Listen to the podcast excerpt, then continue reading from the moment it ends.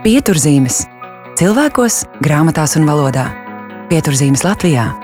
Kādas ir tavas Latvijas pieturzīmes? Meklēsim tās kopā podkāstā Latvijas pieturzīmes. Runāsim, diskutēsim, dalīsimies un domāsim latviešu par latviešu. Labdien! Podrāja podkāsts pieturzīmes ir atgriezušās, lai turpinātu sarunas par un ap latviešu valodu un latviešu. Un ne tikai to. Tiksimies ar iedvesmojošiem un zinošiem viesiem, atbildēsim uz jautājumiem, uzdosim tos. Mans vārds ir Aiga Veckalne, un šodien runāšu ar valodnieci, sociolingvisti Solvitu Pošeiko, kur jau vairāk nekā desmit gadu analizē publiskos pilsētu tekstus Baltijas valstīs un iesaistās arī dažādos latviešu valodas mācīšanās projektos mhm. Latvijā un arī ārvalstīs. Zinu, un lasīju, ka Solvit nesen tu vadīji ir darbnīcu par pieciem soļiem pretim spožam uzņēmumu nosaukumam. Saki, kā tad izveidot to spožo un veiksmīgo nosaukumu? Mm -hmm. Labdien, pirmām kārtām gan tev, Aiga, gan arī visiem pārējiem klausītājiem. Uh, nu, sākšu laikam ar to, ka tāda vienas pilnīgi gatavas receptes, kas derēs visiem un uh, vienmēr un jebkuros apstākļos noteikti nav. Bet uh, ir tādi soļi, kāds, tāpēc arī esmu nosaukumā izmantojuši tos pieci soļi spoža nosaukuma izveidē, kas varētu palīdzēt uh, tiem, kas domā par sava uzņēmuma nosaukšanu vai varbūt pārsaukšanu. Uh, tad izvēlēties jaunu nosaukumu vai radīt jaunu nosaukumu.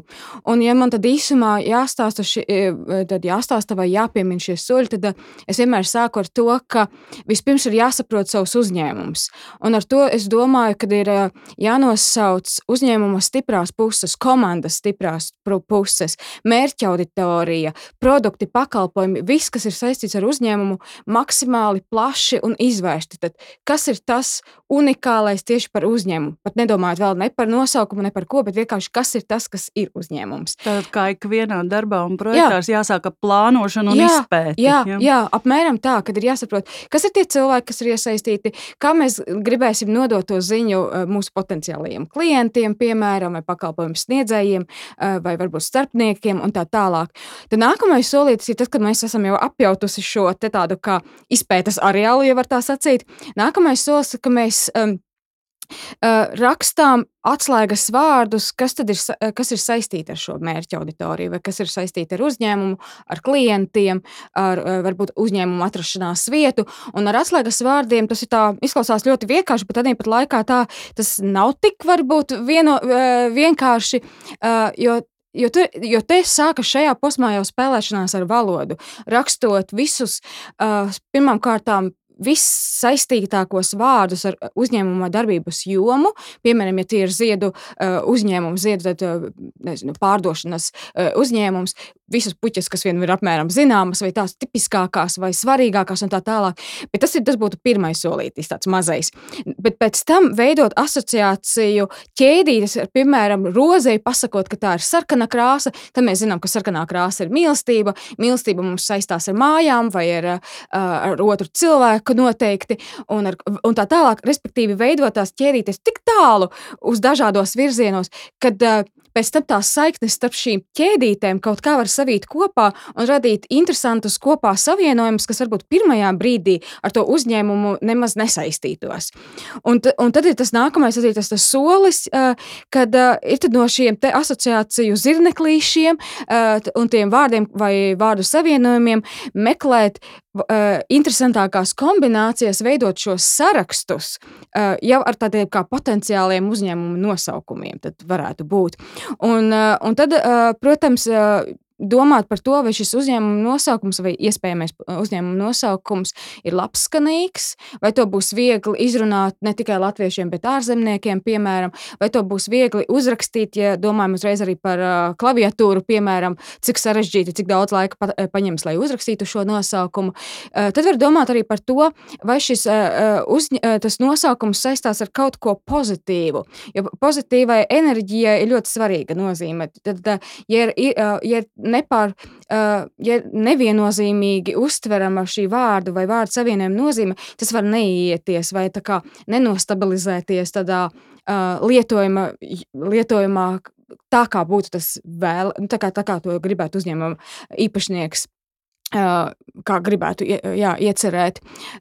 Un tad tam uzņēmumam, tiem nosaukumiem, kas ir no šiem asociāciju ķēdītēm atlasītajiem, vēl varētu domāt, vai cik tie būs funkcionāli vai atšķirīgi no citiem nosaukumiem. Un tas ir tāds mazrusciņš jau tās meklēšanas iespējas, ka skatoties, kaut vai vienkāršākais veids, iegublējot, cik ar šādu vārdu ir jau sastopami tajā pat nozarē vai vispār kopumā. Un tad atlasot vārdus, kuri būtu maksimāli maz vai vispār nemaz nebūtu lietoti. Vai arī varbūt tas, tas, kuriem ir kādas asociācijas citās valodās, kā mēs zinām, jā. ir tie piemēri, jā. ka citās valodās šis vārds nozīmē kaut ko citu, dažkārt arī rupju. Jā, jā, jā. Tā, tā kā semantiskā spēle uzreiz veidojās.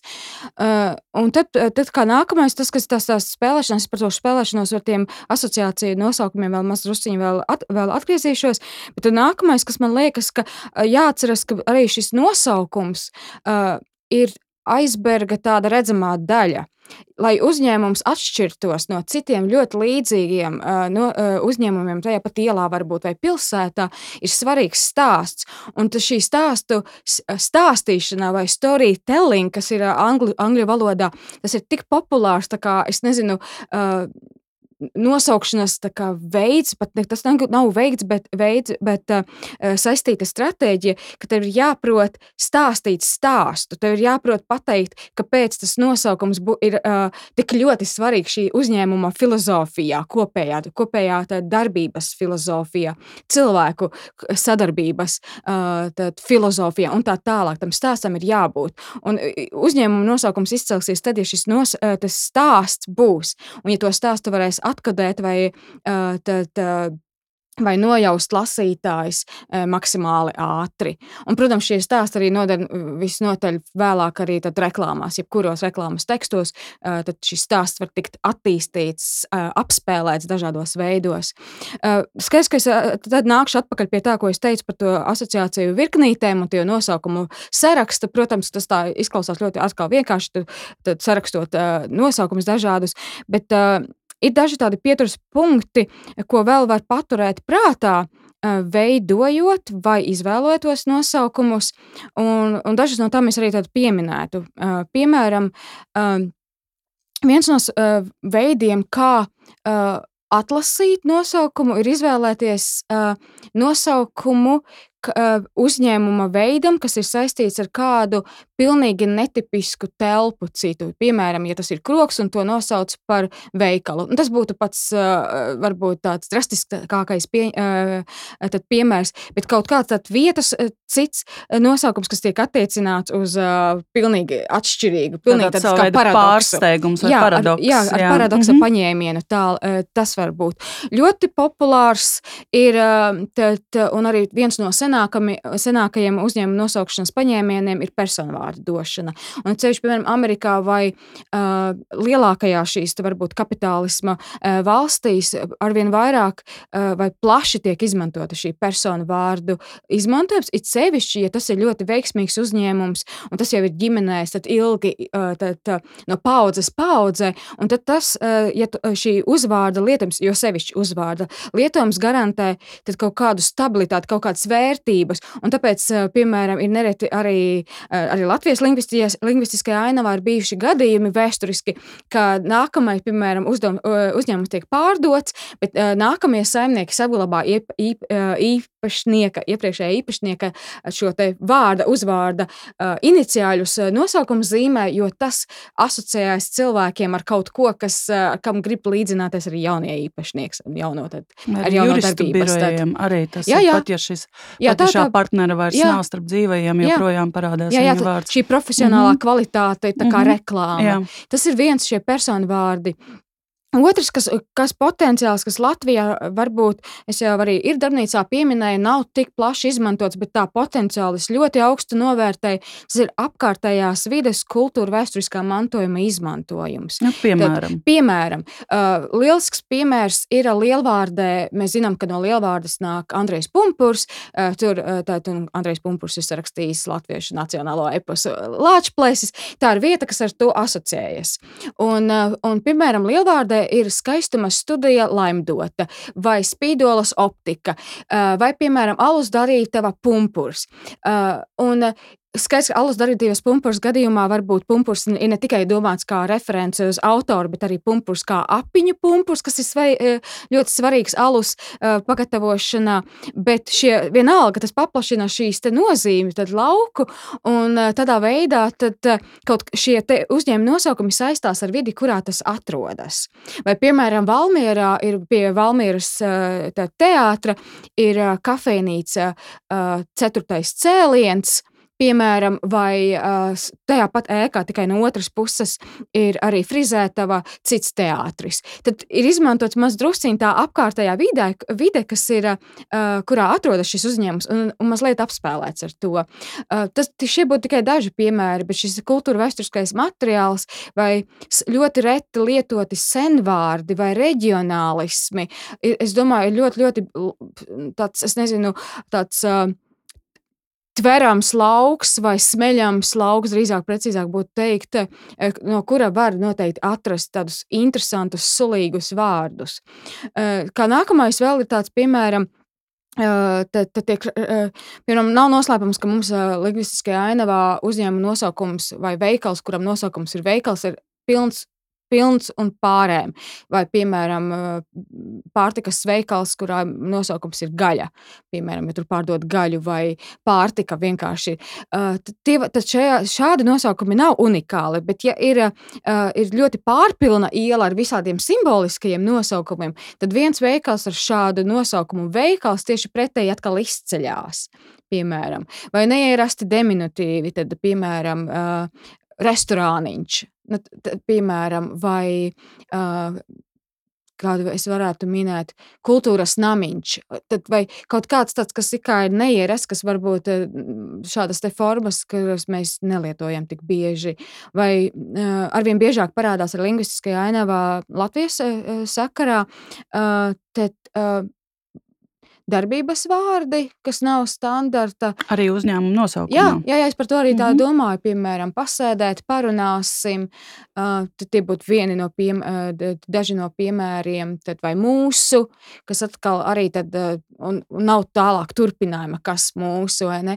Uh, tad šādi te, kas ir tās neierastās formas, arī piesaista kaut kādā veidā uzmanību. Tad. Ko tu saki par to, ka bieži vien tevis pieminētajā mm -hmm. mūsu patiesībā nav latviskais garais U, bet mm -hmm. divi U un tādu nosaukumu parādās ar vienu vairāk. Lat Latvijā var redzēt, mm -hmm. kur ir divi A, kā mhm. garais mm -hmm. A un tā tālāk. Ko tu vai saki I, par to? Mm -hmm. jā, vai jā, jā. Tas ir tā. Uh, Pārējoša tendence, vai pārējoša... vieglāk ārzemniekiem Gan, gan, es domāju, es, es nevaru teikt, man grūti spriest ilgtermiņā, vai tā ir pārējoša uh, parādība, vai tā paliks. Uh, bet skaidrs, ka reklāmas teksti kopumā ir jāskata mazdrusciņi atšķirti no, tā, no tādām valodas normas vai pareizības.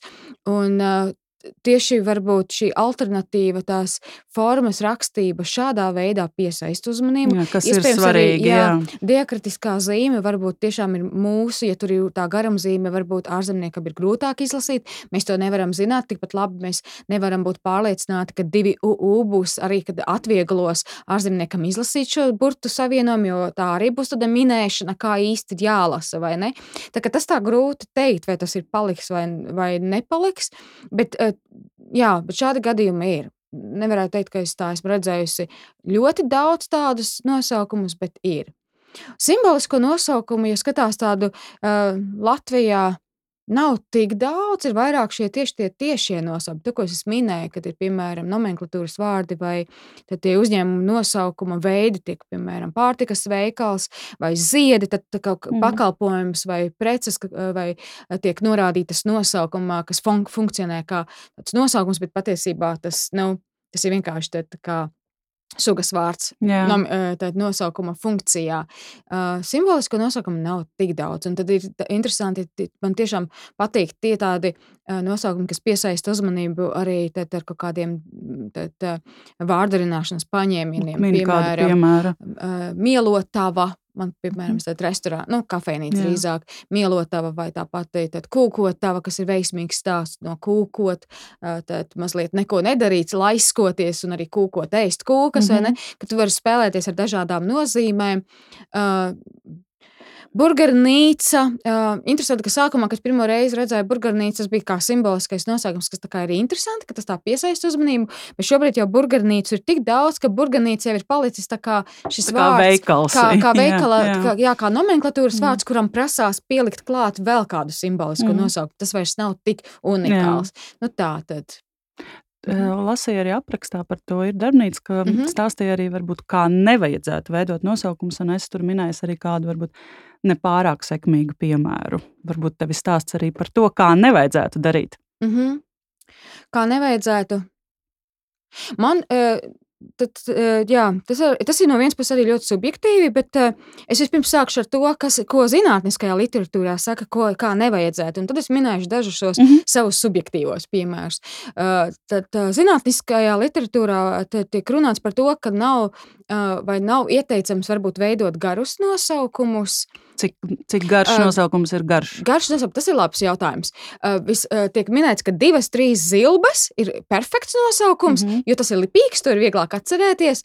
Vai ir tam ir jābūt tādam kā frāzei, kas ir nostabilizējusies jau tā atmiņā, ko, ko mēs saka, pasakām, un tad liekas, ka tu to vairs nejūti kā, vien, mm -hmm. kā ļoti. Tu neuztver to kā garu. kā Jā. garu, bet mm -hmm. kā, kā viena vienība. Mm. -hmm. Tad ir- tas ir pirmām kārtām.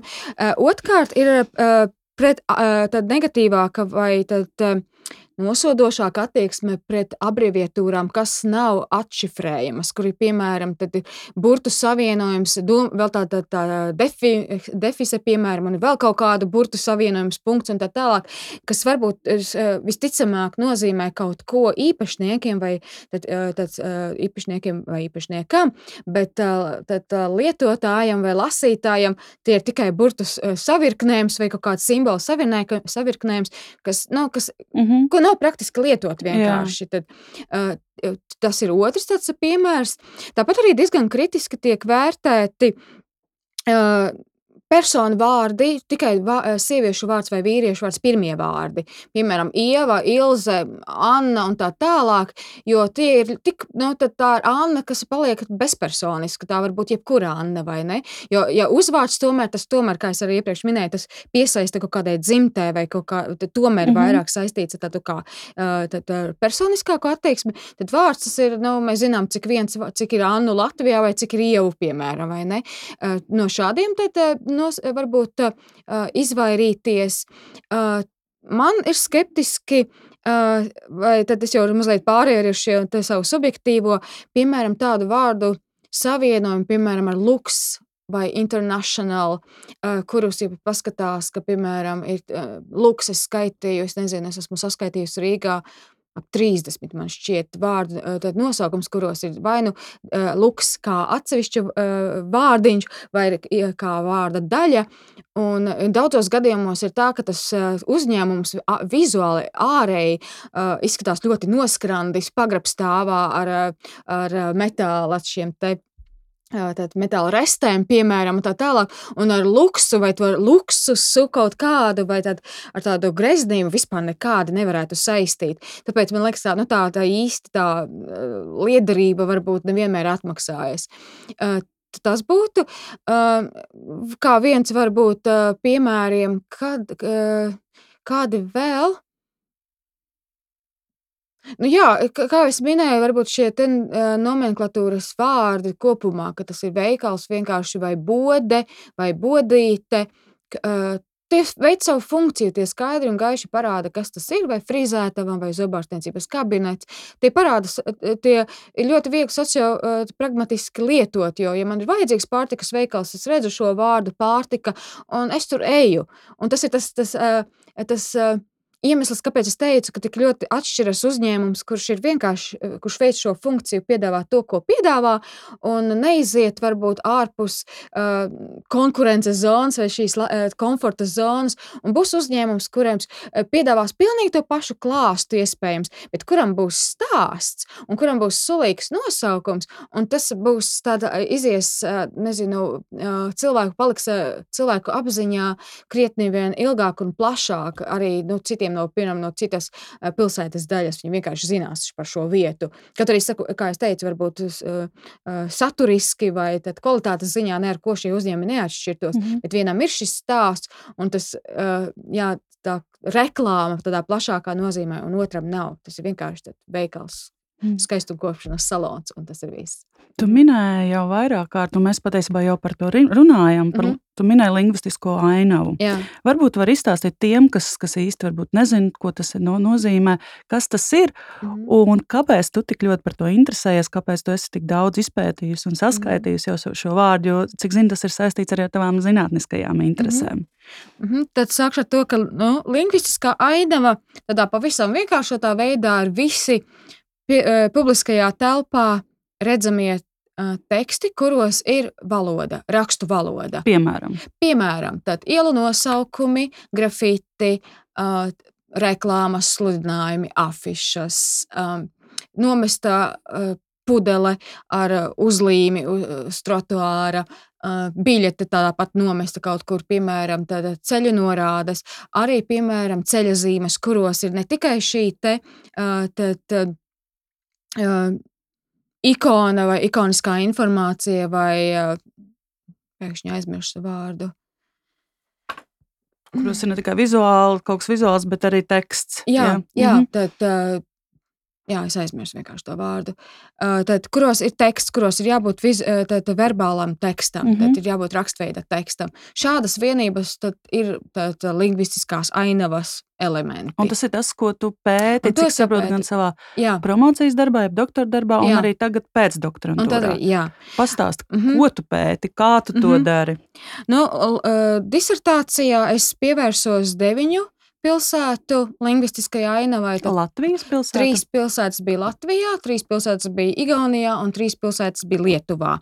Un pilsētas tika izvēlētas pēc tādiem trīs kritērijiem. Bija trīs pilsētas, kurās ir tāds uh, etniski, uh, tagad es varētu teikt, pēdiņās likt uh, tīras uh, latviešu pilsētas, uh, piemēram, latviešu pilsētā būtu Valmiera, uh, Lietuvā tā uh, bija.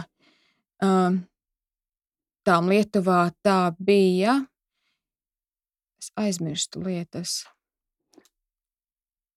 Tā, es domāju, tad pilsētas, tām druskanīgi Lietuvā, uh, Visagina, Lietuvā un kas bija trešā pilsēta? Klaipēda, Kauņa, Paņevēža. Nē, pilnīgi aizmirst lietas. Kedaiņa. Nē, Nu, tad bija trīs pilsētas Lietuvā. Jā, ne, es tiešām aizmirstu. Kad jau atnāks? Jā. Tad, kad atnāk, tad tu pēkšņi jā. saki, jā, atcerējos. Jā. Uh, un trīs pilsētas un Igaunijā. Trīs pilsi, eh, pilsētas Igaunijā. Tas bija viens, bija tāds, kur ir tīri latviski, tīri lietuviski un tīri igauniskas pilsētas.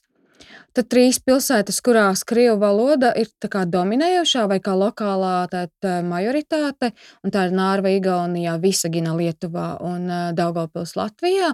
Un trīs pilsētas, kurās būtiska loma ir turismā. Un, un tur bija tā kā es prognozēju, ka tur varētu būt lielāka tad, nav tāda valoda daudzveidība, tāpēc, ka tas ir turisms dominējošais. Un Ventspils Latvijā, tad Pērnava Igaunijā un Druskinīnki Lietuvā. Jā, un vēl joprojām es nevaru atcerēties to trešo pilsētu Lietuvā kas būtu Latvijas pilsēta, bet atnāks. Uh, tad šie, tās, tās, to es darīju uh, tad, tad disertācijai. Tā tad deviņas pilsētas, deviņas pilsētas un tu pētīji šos mm -hmm. dažādos publiski pieejamos jā. verbālos tekstus. Jā, jā, tad es braucu parasti uz katru pilsētu, tās bija divu, trīs dienu lauku pētījumi. Es fotografēju centrālās, uh, galvenokārt tās bija centrālās pilsētas ielas, kuros ir ļoti dažāda veida teksti pārstāvēti. Ne tikai komerciāli, lielās ielas, bet arī tādas ielas, kurās, piemēram, ir vairāk skolas vai, vai kurās būtu, piemēram, pašvaldību iestādes un institūcijas un tā tālāk.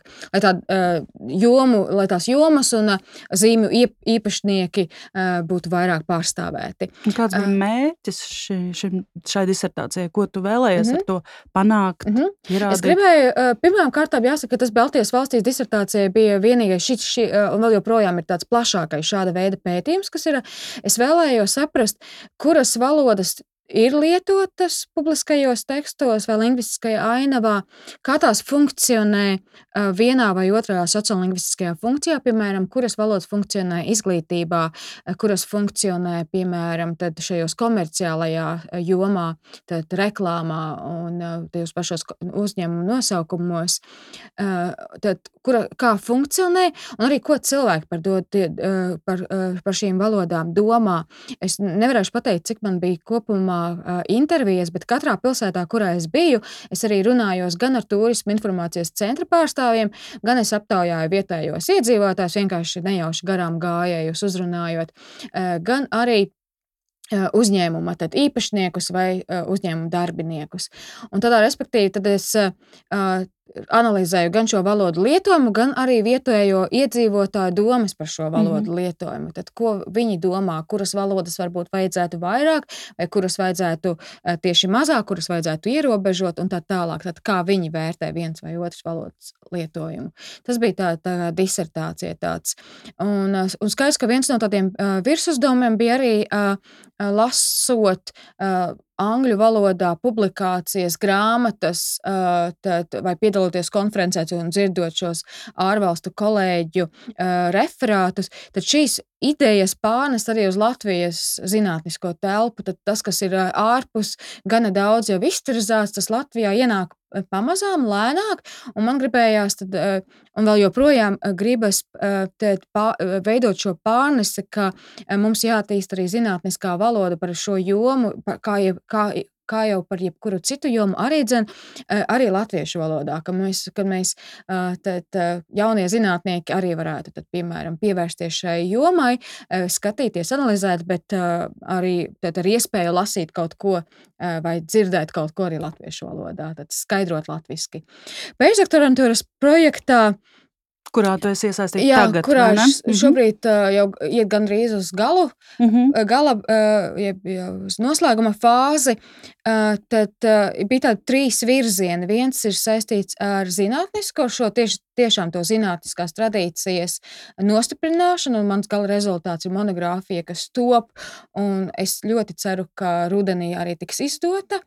Uh, tas ir tāds, tā, tā ir tāda mana uh, egoistiskā, zinātniskā pašmīlība, uh, tāda uh, pašmīlība maz drusciņa, ka es gribu, ka tas punkts tiek pielikts arī šai grāmatai. Uh, nākamais virziens ir saistīts ar izglītību, uh, un uh, domājot par to, kā šos publiskos tekstus vai lingvistisko ainavu var izmantot, gan mācot latviešu valodu, vai runā, jā, tad, gan runājot ar latviešu valodas kā pirmās valodas uh, skolniekiem par valodas jautājumiem, par gramatiku, arī dzen, par sociālingvistikas jautājumiem, izmantojot šos publiskos tekstus, un arī kā šo uh, pilsētas tekstus var izmantot uh, svešvalodas mācīšanā, latviešu valodas kā svešvalodas mācīšanā. Tāds savu veidu metodiskie materiāli. Ja? Jā, jā, gan uzziņu, mm -hmm, gan metodiskie. Mm -hmm. Abos šajos izdevumos viens tūlīt tiks izdots uh, drīzumā, uh, kas būs ceļvedis pilsētu tekstu izpētē tieši uh, latviešu kā pirmās valodas apguvei.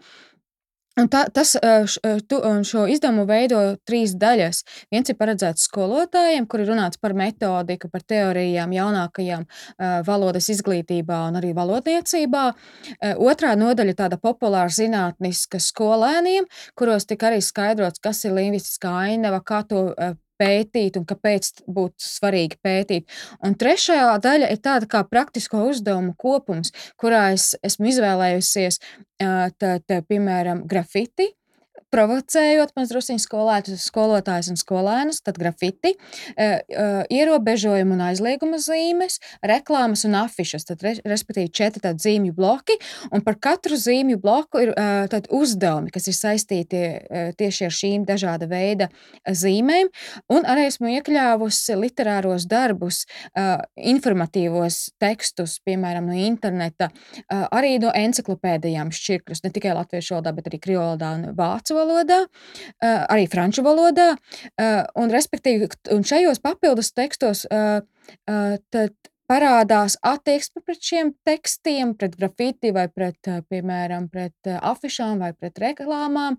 Un arī mazdrusciņi rāda šo, tad, šo tekstu funkcionalitāti tādā plašākā mērogā. Un kur un kad iznāks šis mācību līdzeklis? Uh, Šis uzziņu līdzeklis šobrīd tādā, ir tādā pēdējā izstrādes mhm. posmā, mm -hmm. vēl ir mazās astes palikušas, ko izdarīt. Es ļoti ceru, ka tas varētu būt aprīlis. Aprīli. Un kas aprīlis. to izdos? Pašreiz nevaru teikt, es, tāpēc, kāpēc es to nevaru šobrīd vēl pateikt, jo mans mērķis ir, ka tas ir ne tikai tādā tā, drukas versijā, bet arī tā, tā tīmeklī mhm. pieejams. Mm -hmm. Jo mans uzskats, ka ja es saņemu naudu par tā izstrādi, tad skolotājai vai jebkuram kuram citam interesantam būtu jābūt iespējai tam piekļūt maksimāli ērti. Un, Man vispār jā. patīk doma par to, ka viss ir pēc iespējas, jā. pēc iespējas brīvpieejams un plašāk jā, pieejams. Jā. Tad mēs noteikti ziņosim arī mm -hmm. saviem lapas sekotājiem mm -hmm. un, un, un podkāstu klausītājiem, jā. kāda ir ieinteresējusi. Mm -hmm. Un tu minēji, ir vēl kāds tāds zinātniskais jā. rezultāts, monogrāfija, šis uzziņu līdzeklis. Mm -hmm. Un, un, trešais, un trešais, ar to, ko mēs arī sākām, tas ir tas komerciālais, mm -hmm. uh, komerciālais virziens vai ekonomiskais, kurā es vairāk domāju par šo valodas ekonomisko vērtību. Un, uh, mana pārliecība joprojām ir tā, ka, uh, lai mēs vienalga, ka mēs varam uh, runāt un reklamēt savu uzņēmumu, savu preci, savas idejas arī latviešu valodā, to darīt, to darot radoši, interesanti, atšķirīgi, bet ko to, ko to, to var izdarīt arī latviešu valodā. Tā ir mana tā doma. Un papildu informāciju, protams, sniedzot arī jebkurā citā valodā, kuru vien ir vajadzīgs. Ne par to ir stāsts. Es neesmu tik nacionālistiski noskaņota, ka tikai visam latviešu valodā būtu jābūt. Un, un šīs virziena tāds Rezultāts ir tāds buklets, kurā es gribētu apkopot šīs dažas idejas, ko es jau minēju, bet tās noteikti nav visas. Gana, uzņēmuma nosaukumu veidošanā. Nosaukumu, mm -hmm. jā, tad, es diezgan haotiski, varbūt un, lēkājot no vienas idejas uz otru, tad šajā izdevumā vai bukleta formātā es vēlētos tās apkopot tā strukturēti un dodot arī piemērus no lingvistiskās ainas Latvijā. Mhm. Iespaidīga Mhm. pēcdoktorantūra ar trim tik tik Jā. patiesībā tik ietilpīgiem ietilpīgiem Mhm. re rezultātiem, ko tu minēji. Skatoties tavu publikāciju Mhm. sarakstu un redzot, cik daudzās konferencēs, semināros tu esi piedalījusies, patiesībā man jāsaka, tas ir tas ir ļoti iespaidīgi un ļoti iedvesmojoši, jo tu joprojām esi ļoti jauna zinātniece, un tev ir tik fantastisks sarakstu pati minēja pirms tam, ka gadā tās ir vidēji septiņas konferences, šobrīd gandrīz 60 publikācijas. Teici, apmēram, apmēram jā, 60. Tas, jā. Kad tu saprati, ka tu vēlēsies būt zinātniece? Es nezinu. Grūti, uz šo jautājumu ir grūti atbildēt. Kad es saslimu ar šo visnotaļ ļoti interesanto nodarbi, kā ar zinātni, uh, man nebija viegli arī izšķirties starp pedagoģiju, jo es esmu strādājis arī skolā. Man ļoti patīk, un es vienmēr smējos saviem draugiem un tuviniekiem, eh, ka, ja man apniks zinātnē, es iešu uz skolu. Tev arī pamatizglītība, bakalaura grādu iegūta tieši pedagoģijā. Ja uh, ne humanitārajā zinātnēs, bet man ir arī kvalifikācijas, mm, jā, kvalifikācija jā. latviešu valodas un literatūras skolotājs. Un jā, tu patiesi strādājusi skolā. Un es strādāju skolā, jā. jā. Grūti pateikt. Es domāju, ka bakalaura, bakalaura studijas kopumā, es domāju, jebkuram jaunietim ir tāda peldēšana pa straumi, mēģinot saprast, kur es esmu un kāpēc es esmu šeit. Tad maģistratūrā tas notiek krietni vien apzinīgāk un mērķtiecīgāk. Un tad studējot Reizeknas akadēmijā, tajā laikā tā gan bija Reizeknas augstskola, tad ir Reizeknas tehnoloģija akadēmija. Tad, es tiku iesaistīta jau studiju laikā dažādos projektos. Tur uh, gan tā, tā augstskolas līmeņa projektos, gan tie bija arī tā, tā starptautiskie projekti. Un pa, lēnām, pakāpeniski es saprotu, ka tas man interesē daudz vairāk. Ne tikai kā uh, kursa darbu izstrādē, piemēram, vairāk nekā hobijs, bet tas ir, ka es to redzu kā sevis tādu profesionālās pilnveidas lauciņu, ka tas ir tas, kas mani interesē. Un, uh, Jā, un tad es, jā, tad es, jā, es teiktu, ka maģistratūra bija tas laiks. Lai gan pēc maģistratūras paņēmu vienu gadu brīvu, jo man nebija pārliecības, ka esmu gatava studēt doktorantūrā, ka es vēl neesmu gatava uh, būt nākamajā līmenī Un šis gads patiesībā man palīdzēja varbūt saprast, vai precīzāk formulēt, kas ir tās lietas, ko es gribētu darīt tālāk, un, un kur ir tie jautājumi, kurus es gribu aktualizēt, un ko es gribu ar savu ideju pateikt, nodot tālāk sabiedrībai. Un tad šobrīd jā, tad tā ir tā lingvistiskā ainava un tas publi valodu publiskais lietojums ir tā joma, kas mani interesē no ļoti, ļoti dažādiem aspektiem. Un cik vien es spēju fiziski aptvert šo lauku, to es arī daru. Ļoti priecājos arī par uh, jaunajiem pētniekiem, uh, par vidusskolniekiem, kas raksta savu zinātniski pētnieciskos darbus, piemēram, par lingvistisko ainavu, par tāt, bakalaura līmeņa studentiem, kas savos kursu darbos kaut ko arī tad, dara šajā jomā, vai par maģistra darbiem, vai par kolēģu veikumu, tad tas man ir tikai priecēja, ka tas ir kļuvis jau, ka, ka tas pamazām veidojas par tādu uh, interesantu un tādu stabilu tradīciju Latvijā. Ko tu varbūt ieteiktu tiem jauniešiem mm vai maģistrantūras studentiem, kas varbūt vairs nav tik, tik jauni? Mm -hmm. ja, ja viņi gadījumā vēlas saistīt uh, savu turpmāko dzīvi ar akadēmisko vidi, ar darbu, mm -hmm. zinātnē, ko tu ieteiktu viņiem, ar ko sākt? Kas ir jāsaprot, jāsaprot, par ko tu vēlēsies, ko tu vēlēsies pētīt, vai ko tu mm -hmm. ieteiktu? Nu, jā, pirmām kārtām, es domāju, tā atbildība atnāk katram pašam, uh, kas ir tas joma vai kurā kurš jautājums ir tas, kas, uh, kura izpēte vai kura tāda dziļāka uh, analīze rada prieku un ne tikai tādu piespiešanos, tāpēc, ka man tas ir jāizdara, bet tas aizrauj. Un kad aizrauj tā, ka tu neredzi, cik ir pulkstenis, vai ka tu aizmirsti, kad ir arī jāpēta, vai aizmirsti kādas citas ārpasaulīgas, citas lietas, pasaulīgas un ārpasaulīgas, tad droši vien tad tā būs tā joma, kurā tad, eh, tad realizēties. Un, eh, Jā, un es arī tā kā līdzīgi, tā kā es laikam atgriežoties kā sākumā, nav vienas receptes, kā nosaukt uzņēmumu, un arī nav vienas receptes, kā pateikt, kā veiksmīgi kļūt par zinātnieku. Un arī es šobrīd ne, nevarētu teikt, ka es esmu veiksmīgs zinātnieka paraugs. Es tikai daru to, kas man ļoti patīk. Un tas, laikam, ir tas pats, pats svarīgākais. Mm -hmm. Tā arī darīt. Jā. Otra lieta, kas, kā es esmu sapratusi, tev ļoti patīk, tā ir latviešu valodas mācīšana. Mm -hmm.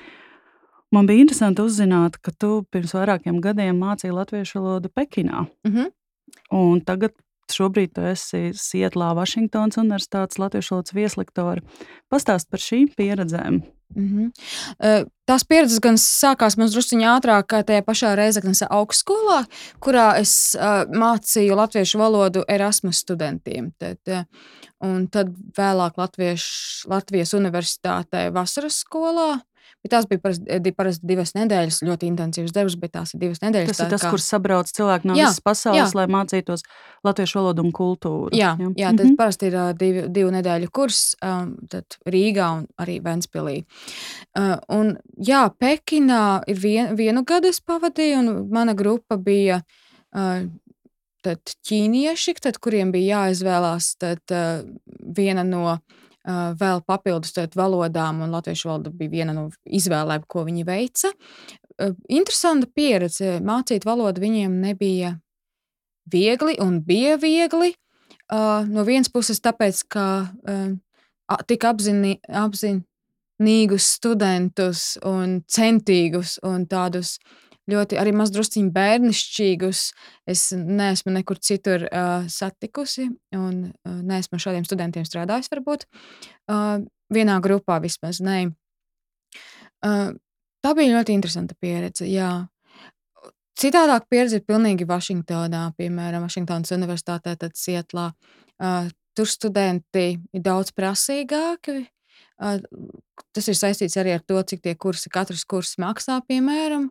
Un, uh, kaut arī no šāda aspekta skatoties, ka katrs kurs ir kā tāds uh, naudas izlietojuma veids, uh, tāds diezgan komercializēts pro, uh, produkts arī dzen, bet tas neizslēdz to, ka studenti, kas to izvēlas, to dara arī tādas ļoti uh, patiesas intereses vadīti, ne tikai mērķtiecīgi, pragmatisku iemeslu dēļ. Uh, un tur valoda atkal uh, bija uh, mācīt.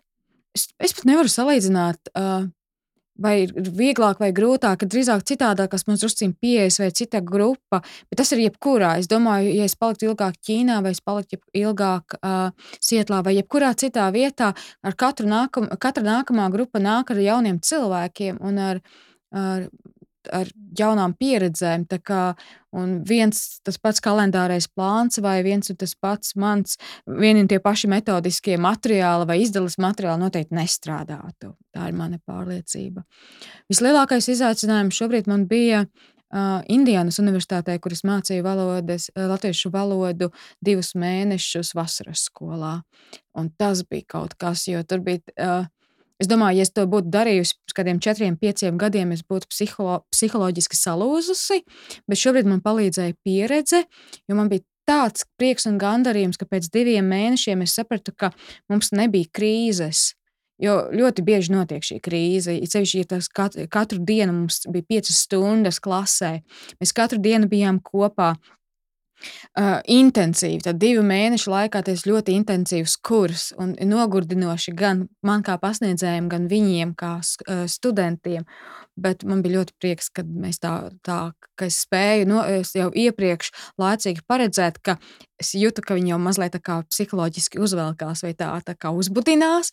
Un tas tā, ok, labi, tad mēs nākamajā dienā tad, uh, spēlējam spēles vai pilnīgi kaut ko ļoti vienkārši, lai paceltu viņu apziņu vai to, ka, ka viņi visu zina un ka ir vienkārši, lai tad atkal tā mazliet pāriet un tad atkal varbūt pēc kādām divām dienām mēs atkal tās nopietnāk ķeramies klāt. Tad man par to bija liels gandarījums. Tas. Kas mācās latviešu valodu šajā vasaras skolā? Uh, ļoti dažāda publika. Tie ir gan uh, etniskie latvieši, kas, uh, tēt, kuri dzīvo Amerikā, bet kuriem latviešu valoda daļai ir dzimtā valoda, daļai tā ir vecmāmiņu un vectētiņu valoda.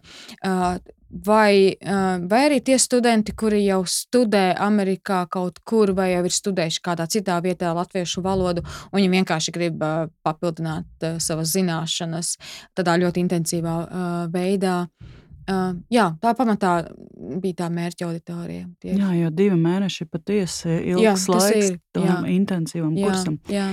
Kas, kā pēc taviem vērojumiem, kas parasti ārvalstu studentiem sagādā vislielākās grūtības mācoties latviešu valodu? Mm -hmm. uh, Pirmā jau katram jāsaka, tas ir, kura ir, kāda ir valoda dzimtā tiem, kas mācās latviešu valodu, tas ir svarīgi, un cik valodas viņi jau zina. Piemēram, ja ir Ķīnā, piemēram, te, runājot par ķīniešu studentiem, manā grupā visi zināja vēl kādas valodas.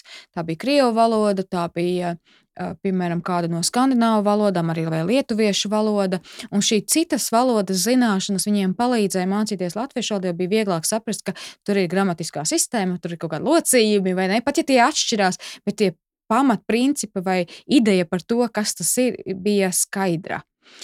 Un tad ir savukārt, piemēram, tie pašiem Amerikāņu studentiem viens bija no valodniecības fakultātes, kurš jau arī bija mācījies valodas, vismaz teorētiski, pat dažādas valodas, un zināja, ko tas nozīmē. Bet bija tādi studenti, kuriem, piemēram, tas nu, izpratne par valodu nav tāda tik dziļa. Un tad saprast, ka, ka, kāpēc mums ir vajadzīgs, piemēram, viens vai otrs locījums, vai kāpēc ir dzimtes, kāpēc mēs lietvārdus sadalām sieviešu dzimtē un vīriešu dzimtē un pēc kāda kādiem principiem mēs to darām, piemēram. Tad, tad šīs tādas lietas. Uh, jā, drīzāk tāds. Es pat neteiktu, ka tās bija kā problēmas, bet tie bija kā tādi mazi nelieli izaicinājumi. Uh, jā, tas laikam būtu tā. Tu īsumā. arī pati esi dažādu mācību līdzekļu līdzautore, un tagad tu teici, ka top šis uzziņu mm -hmm. materiāls.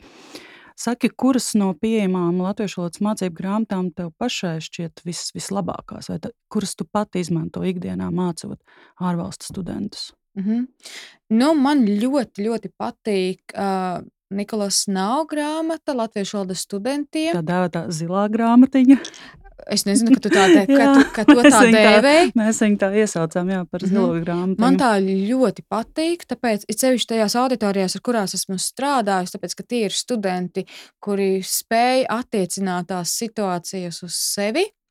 Uh, Varbūt sākums, parasti sākumā pirms šīs grāmatas lietošanas es esmu kombinējusi no atvērsim vārtus, piemēram, vai pati savus sagatavotos materiālus, lai tas leciens tajā grāmatā nebūtu tik strauji, tad mēs tā maz drusciņi tā, es tā kā ievirzu tajā latviešu valodas tādā lietojumā un sistēmas tādā, apziņā, bet man šī grāmata ļoti patīk.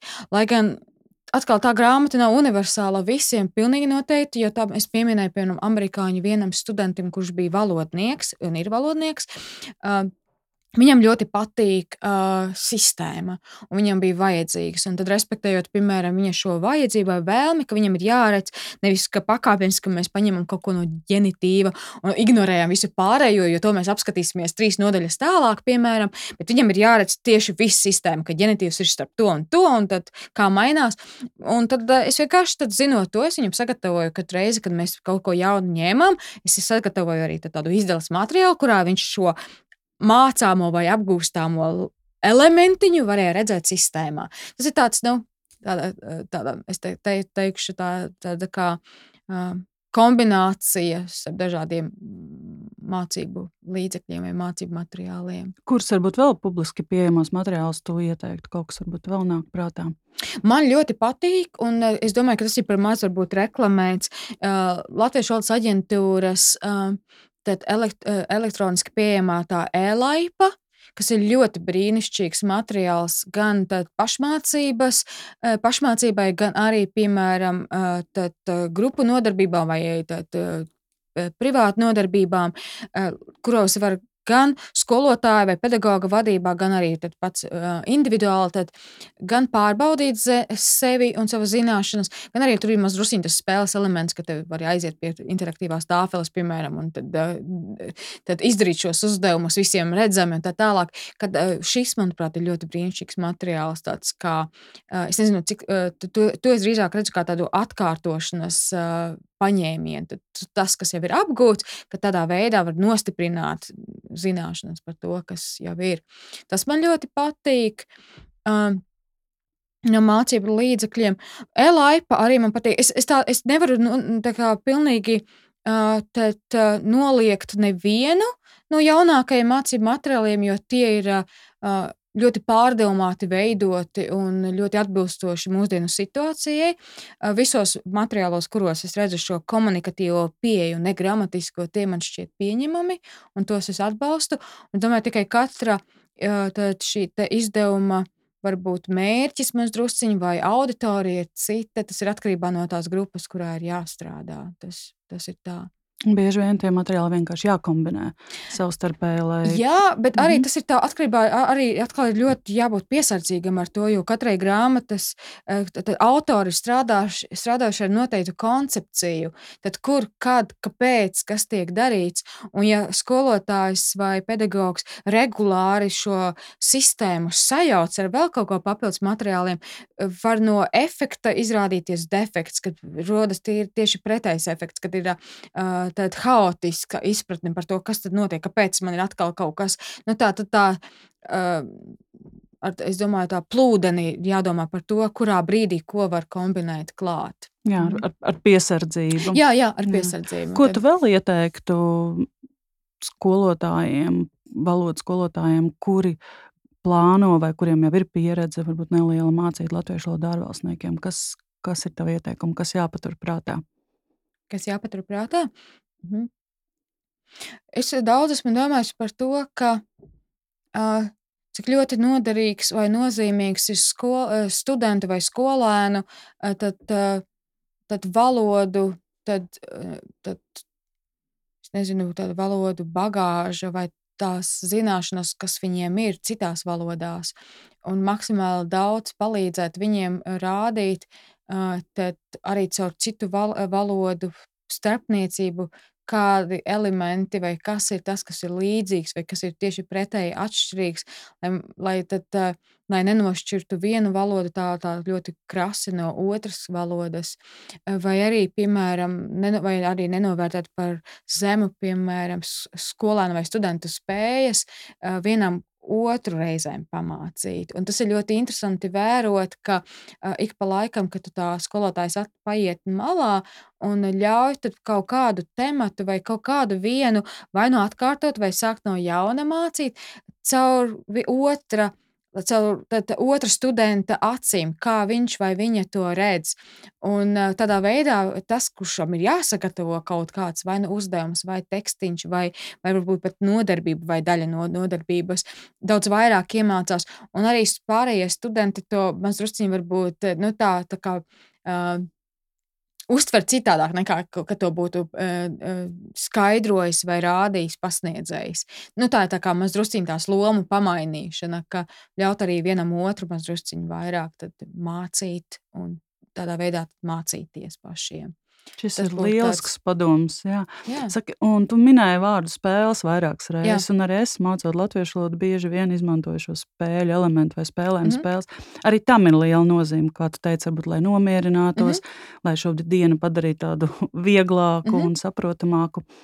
Kāda ir tava pieredze spēlēm, kas ir tava iecienītākā valodas spēle, ko tu bieži vien izmanto? -hmm. Atkarībā jā, tas ir ļoti jābūt piesardzītam valodas spēlēm. Arī dzen, ir, piemēram, strādājuši ar pieaugušajām grupām, kuros piemēram, tad, tad studenti, pieaugušie studenti netik labprāt iesaistās spēlēs, bet man ļoti patīk, piemēram, alies, kur tad studenti viens otram skaidro, kā vien viņi prot latviešu valodas vārdus, un tie vārdi parasti vienmēr ir sagatavoti no tā, kas ir apgūts līdz tam noteiktajam laika periodam, un tad viņi tādā veidā šo leksiku praktizē, nostiprina. Mēmais šovs arī dzen ir bijis, bet tas ir tāds vairāk varbūt arī ārtelpas, varbūt aktivitāte, varbūt, bet arī iekštelpās, protams.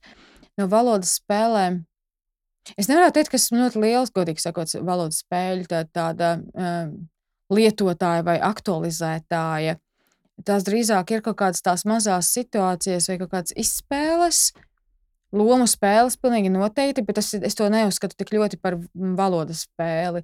Jā, drīzāk es teiktu, ja man tā būtu kāda no viena tā uzreiz jānosauc, tad noteikti tā būtu alias, ko es redzētu. Kad Jā.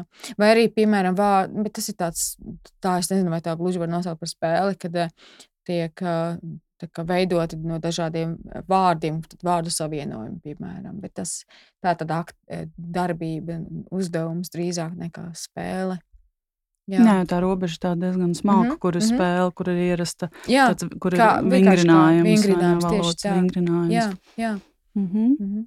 Drīzāk tās arī, tā, ko es minēju, tās pašā e-laipā var, te, te, kur ir ļoti, piemēram, elementāri, kur ir kaut kādi vārdiņi, un tur ir arī attēls, ko tas vārds nosauc, un tu aizvelc, piemēram.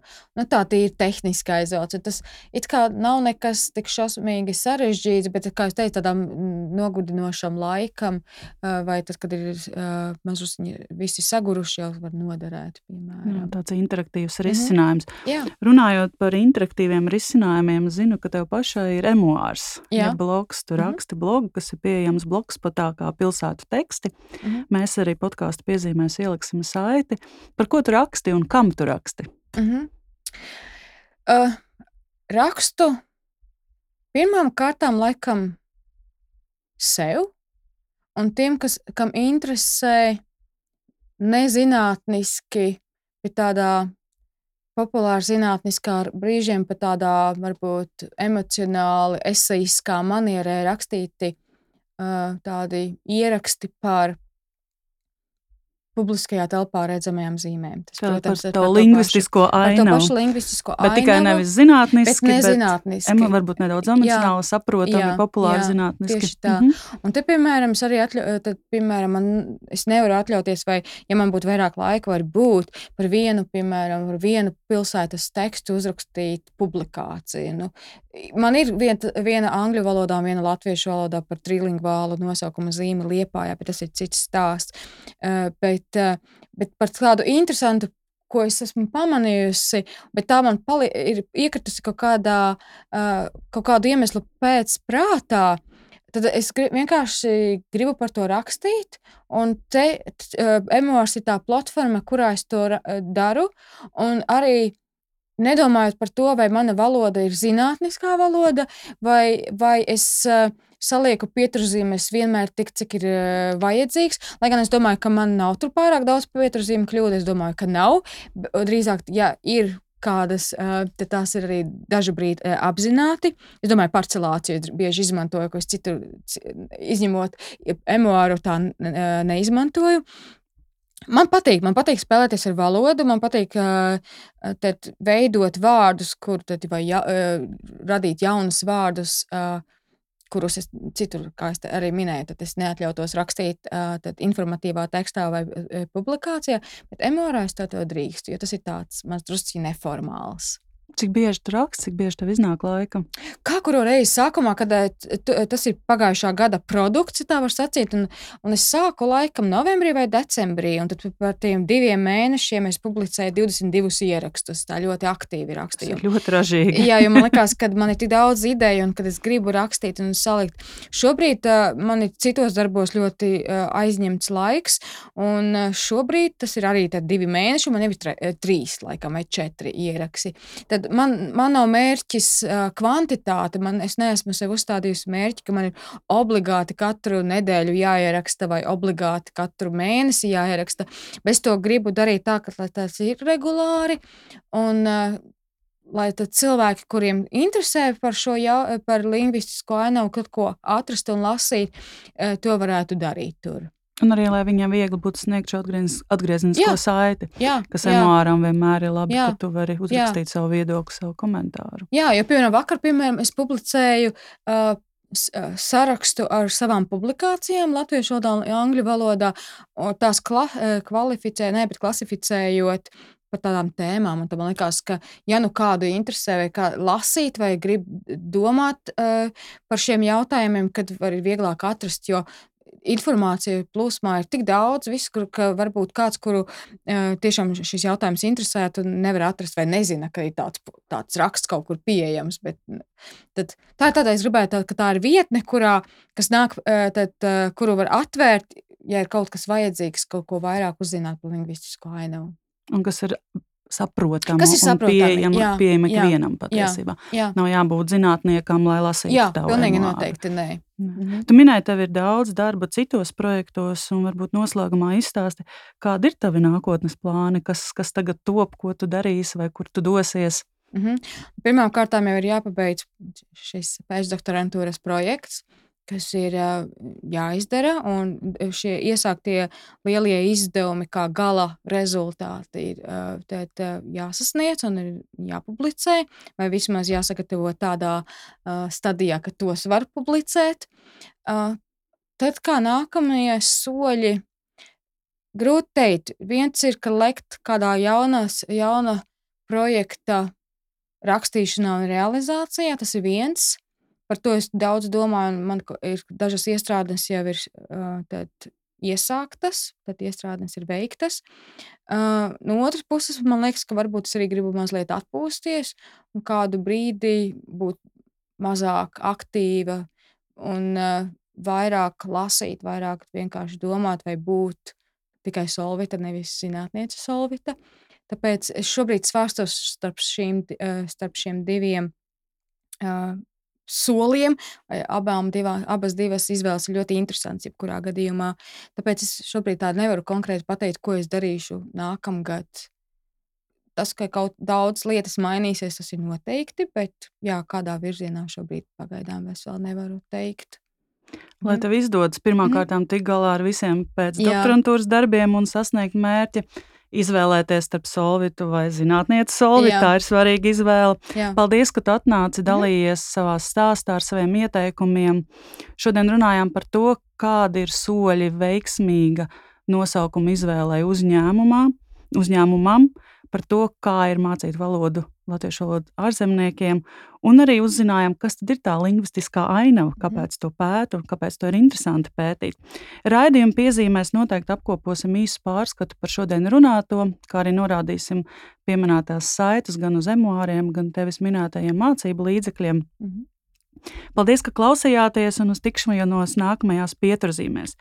Papildu informāciju par pieturzīmēm un arī nākamajiem raidījumiem meklējiet mūsu Facebook lapā Pieturzīmes un priecāsimies, ja dalīsieties ar šo raidījumu. Uz redzēšanos!